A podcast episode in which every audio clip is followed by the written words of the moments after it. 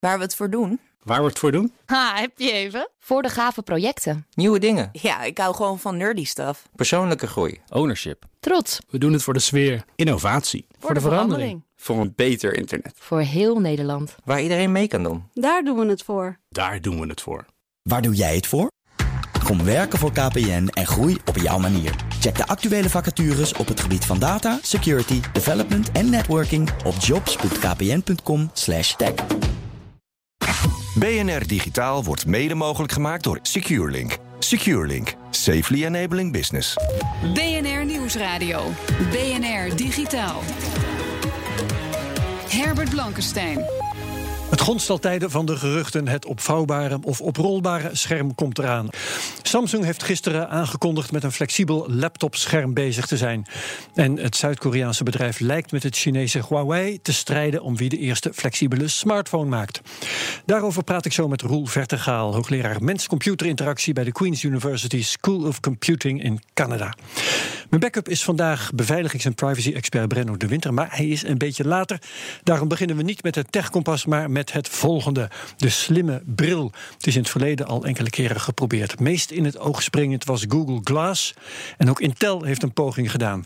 De nieuwste poging komt van een bedrijf dat heet North. Iwan Verrips bekeek het product. Glasses have always helped us master light. They bend it, focus it, shield us from it.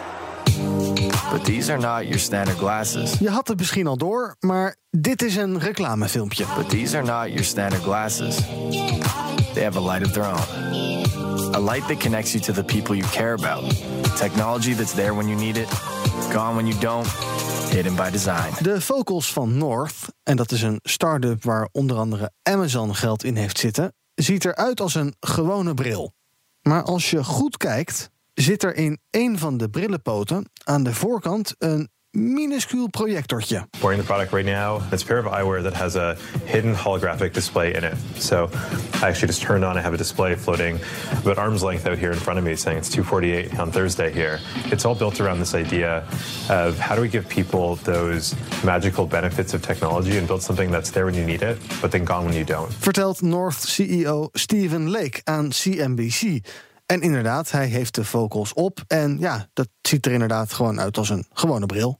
De Focals werken als volgt. Focals work by directly projecting little tiny rays of light onto our eye. When you put these on, you don't see a screen. This is not a rectangle blocking out your view. It's a very thoughtful, considered interface that is very minimal. You're seeing just little tiny bits of text. En daarmee kan je dus allerlei handige informatie projecteren op je oog. Denk aan berichten, routebeschrijvingjes, aankomende afspraken enzovoorts.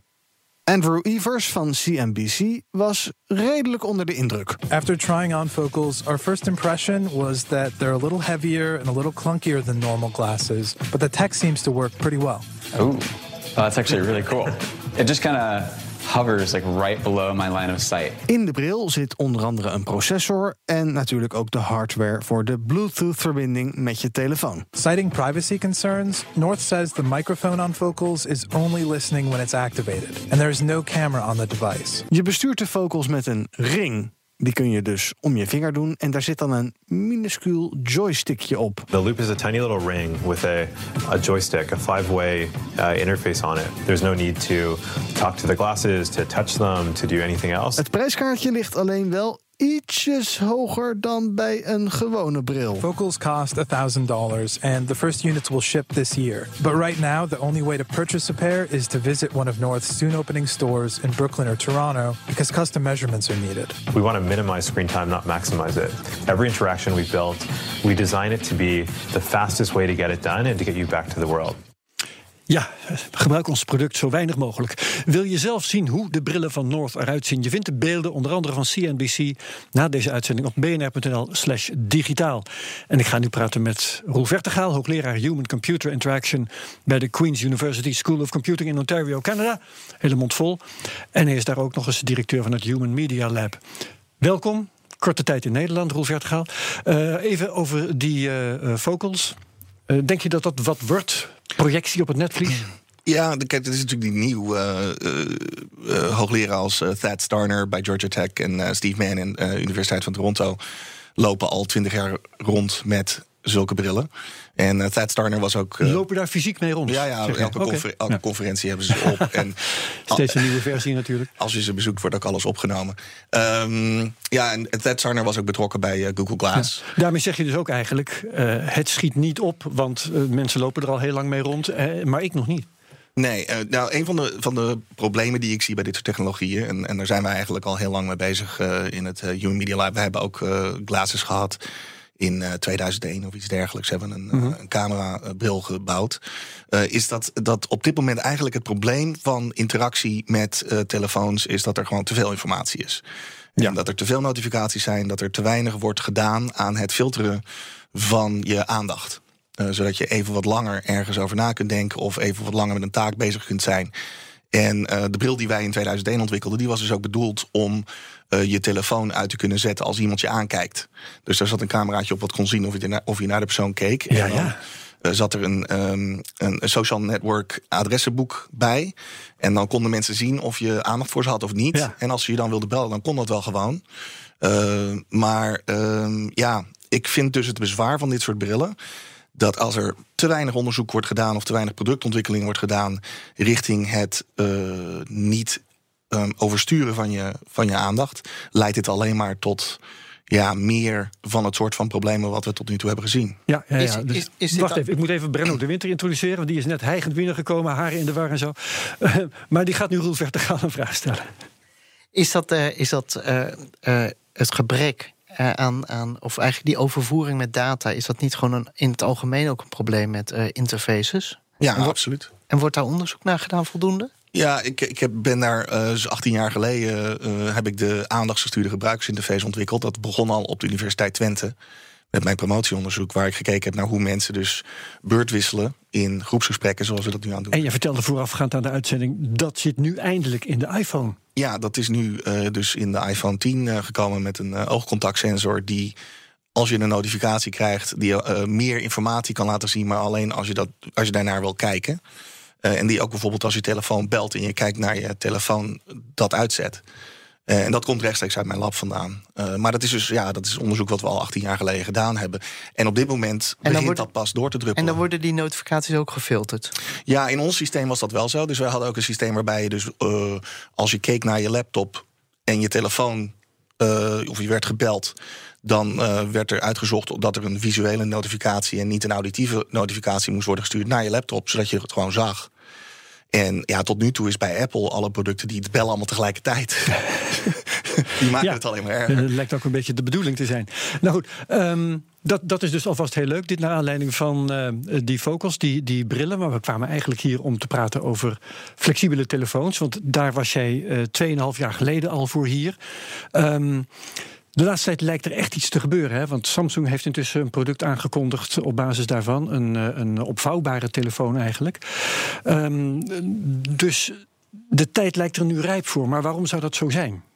Dat heeft te maken met het, uh, proble de problemen van het maken van circuits. Dus um, ja, chips die flexibel zijn.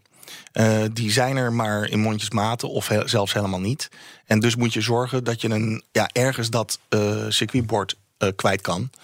Chips die fysiek flexibel zijn. Ja. We hebben dus niet over herprogrammeerbaar of zo, want dat is ook flexibiliteit. Maar ja. fysiek flexibel, buigzaam ja, chips. buigzame chips. Ja. Dat is altijd een beetje de eieren. Het hele zaakje moet meebuigen. Het hele zaakje moet meebuigen, want anders moet je dat dus in, ja, ergens in de, in de zijkant stoppen of zo. En het uh, aardige van een opvouwbare telefoon is dat het dus gewoon een vormfactor, zoals we dat noemen, een ja. vormgeving heeft van een normale telefoon. En daar heb je dan een klapje op, zoals je dat ook kan Het kopen. enige wat bij een opvouwbare telefoon hoeft te, uh, flexibel hoeft te zijn, is de naad in het midden. Ja, en het aardige is dus dat die schermen. Dus wij hebben ook een opvouwbare telefoon uh, gepioneerd, iets van zes jaar terug of zo, vijf jaar terug. En uh, daarbij moesten we die schermen nog om de naad heen buigen, zodat we het zeg maar heel naadloos aan elkaar aan konden laten sluiten. Maar wij konden die schermen niet uh, ja, echt vouwen. En nu zijn die schermen wel zo dat dat wel kan. Uh, ik ga er wel een beetje vanuit, er zijn wat, nog, nog wat vertragingen. En dat zal vast daar iets mee te maken hebben. Die, die, het is natuurlijk heel moeilijk om zo'n scherm zo buigbaar te maken dat je bij wijze van spreken met een schaar, een, uh, zoals je dat met papier doet, uh, een vouw in kan zetten. Ja, ja, nou wat je niet wilt is, uh, dat lijkt me het voornaamste probleem, dat na honderd keer vouwen dat daar een scheur in ontstaat. Precies, en dat is bij ja, het schermen die wij, waar wij toegang tot hadden, wel het geval. Uh, dat zijn natuurlijk prototypes die zijn nog niet klaar voor productie. Maar alles gaat toch kapot? Als is het niet na honderd keer vouwen, dan wel na duizend keer. En die haal je ook wel. Ja, um, maar ja, het aardige van die flexibele beeldschermen is dus dat ze in principe uh, minder makkelijk kapot zouden moeten gaan. Dus nu als je je telefoon op de grond gooit, dan breekt het glas. Omdat dat, dat LCD'tje dat zit aan glas vast. Ja. En uh, ja, flexibele beeldschermen, dat is meer een soort papier. Dus dat, dat uh, waaiert naar beneden. Ja, dat, maar dat brengt me op, op de andere heel belangrijke vraag. Wat levert het precies voor winst op? Waarom wil je flexibele schermen hebben? Is dat inderdaad, zoals je zegt, ontbreekbaarheid te voorkomen? Nou, dat is wel een veelgehoorde klacht. Um, ik denk daarnaast dat het beter in je broekzak uh, past. Uh, of je binnenzak. Uh, maar wij hebben daar dus nu zo'n 14 jaar zo onderzoek naar gedaan. Wij onze eerste flexibele computer, uh, Paper Windows, die kun je ook op YouTube vinden. Uh, dat was een stuk papier waarop geprojecteerd werd, omdat we die schermen toen niet hadden. Ja. En daar zijn we ze gaan uitzoeken van, ja, wat moet je hier nou eigenlijk mee? En um, maar de vraag die ik mensen altijd stel is van, heb jij een printer? En de meeste mensen zeggen dan van, ja, ik, ik heb een printer. Ja, ze van, waarom dan? Is je laptop niet goed genoeg? Is je tablet niet goed ja. genoeg? En ja, het komt er dus eigenlijk een beetje op neer dat papier nog steeds king is. En vroeger dachten we dan van, ja, uh, getting rid of, the, of paper in the office, the paperless office. En dat is gewoon nooit gebeurd omdat papier gewoon zo'n goede display is. Nou, waarom is dat dan? Nou, onder andere omdat je het kunt opvouwen. Je kunt dus de vormfactor veranderen, zodat je het makkelijk mee kunt nemen. Je kunt er zoveel van hebben als je wilt. Dus als je een e-mail-inbox hebt en je wil een e-mailtje opentrekken en je wilt het even bewaren, dan ben je nu op je iPad ben je, je inbox kwijt. Dan praten we dus ook over fors dunner dan nu, hè? Ja, ja, ja, ja, ja. ja. En ik wil van jou graag weten, ja. Brenno, Zie jij er wat, wat in? Ja, Overtuigt absoluut. dit jou? Ja, absoluut. Ik, ik denk dat uh, de, deze vormfactor um, best wel eindig is. Inderdaad, um, ik verslijt ze eens in de negen maanden. Ja, dan valt er weer eentje tussen de rails en de, en de trein die dan net langskomt. Of... Zou dat met een, met een flexibele telefoon niet gebeuren dan? Uh, nou, dan rijdt de trein er nou, gewoon overheen en is het nog Want steeds ik heb, ik, heb dus, ik heb dus moeite om me dat voor te stellen. Want iets wat flexibel is, ja, dat, dat raakt ook in de verdrukking. Dat, dat kan kreukelen, dat kan... Uh... Nou, wij, wij hebben dus echt schermen, dat waren dan e-ink schermen Ja. van, uh, van Plastic Logic. Die kon je zo knippen. Die hebben we echt, terwijl ze aan waren, kon je ze gewoon doorknippen. En dan blijft is dat een voordeel met, dan? met lichtere processoren. Want hè, we gaan nu alleen maar naar harder, harder, harder. Maar ik denk dat als je naar, naar lichtere processoren kijkt, IoT-achtig, dat je daar een hele leuke combinatie We moeten het voor dit uh, deel van de uitzending hier even bij laten. Um, naast flexibele schermen, want daar gaan we het straks over hebben, is Roel Verder ook bezig met hologrammen om de communicatie en interactie tussen mensen op afstand te verbeteren. En dat hoor je zo. BNR Nieuwsradio. BNR Digitaal. En ik praat met Roel Vertegaal van de Canadese Queen's University. Hij is daar hoogleraar mens-computer interactie en directeur van het Human Media Lab. Brenno de Winter is backup. Roel, vanaf uh, vandaag is in Nederland de Google Home te koop. Slimme speaker van uh, Google. Um, heeft voice als interface de toekomst wat jou betreft? Um, ja, ik denk dat op zekere hoogte wel. Er zijn natuurlijk wel wat probleempjes mee. Bijvoorbeeld, uh, net zoals een command line interface die het ook niet gered heeft, moet je dus nadenken over wat je gaat zeggen. Uh, naarmate die dingen beter worden, kun je dus ook meer babbelen tegen ze. En dat is eigenlijk heel belangrijk. Maar een van de dingen waar wij dus, om even terug te koppelen naar waar we het eerder over hadden, die, die aandachtsgestuurde gebruiksinterface, um, waar wij vroeger mee bezig waren, was uh, het, het idee dat je dus ook moet kunnen weten tegen welke apparaat je praat. Ja. En daar gebruikten we dus ook ja. voor. Dus en wij de, hadden Google, een Google Home heeft daar een hele rits microfoons voor... Hè, die de richting van het geluid bepaalt. En ja, maar als jij, als jij dus een Alexa hebt en een Google Home... dan moet je op dit moment zeggen Alexa of Google ja, Home. En. Uh, ja, je kunt er ook gewoon een oogcontactsensor op zetten... en dan weet je of, of je oh, praat. Ja, ja, ja, ja. Oké. Okay. Um, wij uh, communiceren nu vaak in tekst met elkaar.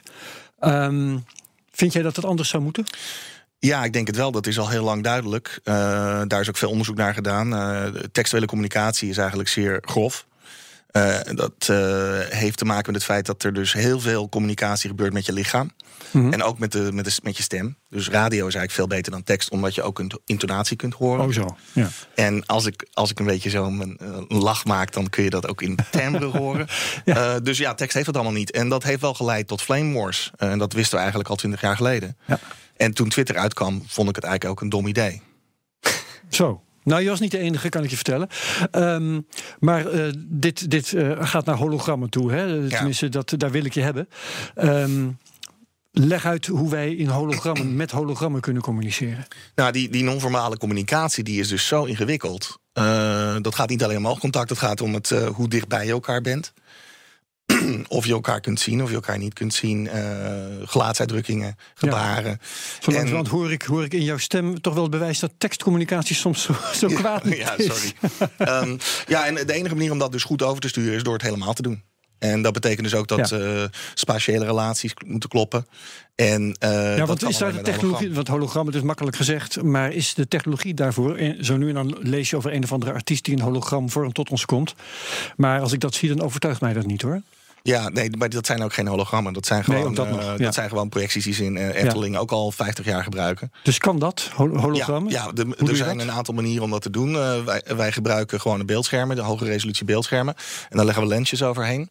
En vervolgens wordt elke pixel in een andere richting gestuurd. En uh, daar kan je dus voor zorgen dat je zowel stereoscopie hebt als uh, wat we dan uh, motion parallax noemen. Dus het bewegen van je hoofd richting of ten opzichte van het beeldscherm zorgt ervoor dat dingen verschuiven. Ja. En het ziet er dus heel realistisch uit. de tweede manier waarop we dat doen is met projectoren. We hebben een hele rits projectoren, wel, wel 200 als je wil, waarbij elke projector vol resolutie een beeld voor een hele kleine hoek projecteert. En uh, ja, je rechteroog pakt dan één projector op en je linkeroog pakt een andere projector op. En zo hebben we dus bijvoorbeeld de Telehuman 2 gemaakt, die uh, gewoon manshoog iemand kan inbeamen. En daar kun je mee praten alsof de persoon er staat. Ja. En gaat dat dan het verschil maken met, met videoconferencing? Want dat is natuurlijk echt nooit echt van de grond gekomen. Nou, ik denk videoconferencing op zich is wel... Mensen gebruiken FaceTime en, en Skype veel tegenwoordig. Veel meer dan vroeger. Uh, maar ja, een van de problemen is bijvoorbeeld dat er uh, genavelstaart wordt. Uh, omdat de camera niet op de hoogte van je ogen zit. Uh, kijken mensen altijd een beetje naar beneden. En dat is ja. al heel fout. Uh, ja, ik denk dus dat als je dat verder wil brengen... en dat zal, in eerste instantie zal dat zijn met presentaties... Uh, dat je wel de richting van hologrammen op moet, ja.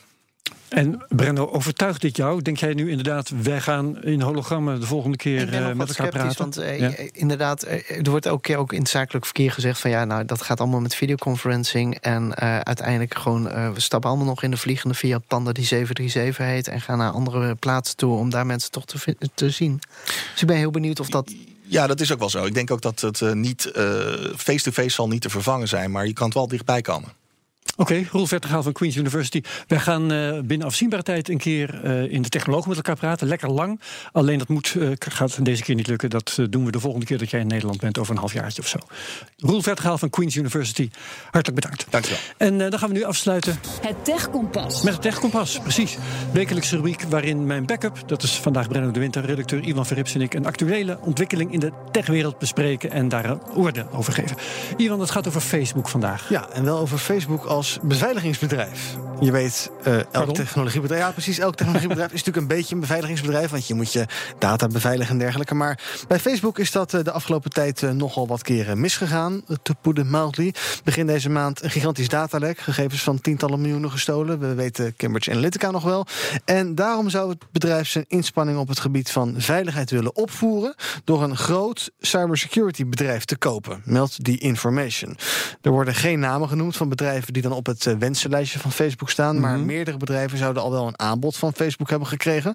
Um, en je zou dan. En die zijn meestal behoorlijk genereus. Uh, precies. En die zouden Ja. kunnen denken aan bedrijven die helpen met nou ja, het tegengaan van hacks, dus, maar misschien ook het beschermen van gebruikersgegevens.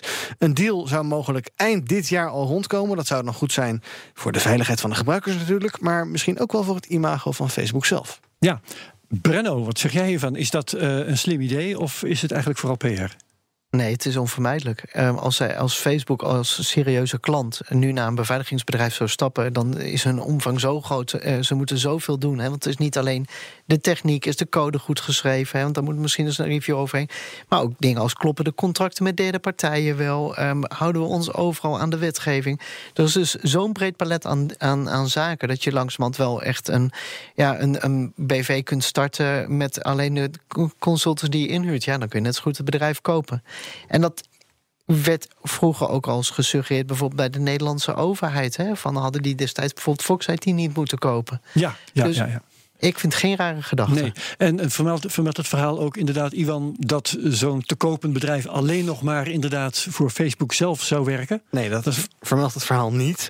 Um, ik weet dus ook niet of dat het geval zou zijn. Maar ja, je, je, kan je bijna niet voorstellen. Althans, ik kan me bijna niet voorstellen dat ze misschien ook producten voor uh, consumenten of voor de grootzakelijke markt gaan maken. Dat en, en, en dat, nou ja, dat je dan dus een, een, een anti, uh, anti-hack pakket afneemt van Facebook. Het is toch een beetje een besmette naam? Of? Ja, maar goed, weet je, nu nemen de mensen het af van, van Ziggo. Dat is een feest. Dus um, ja.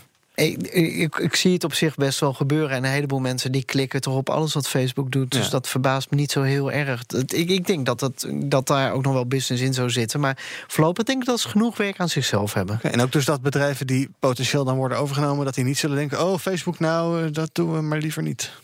Nou, als jij directeur van een bedrijf bent... en er komt iemand langs met een paar honderd miljoen...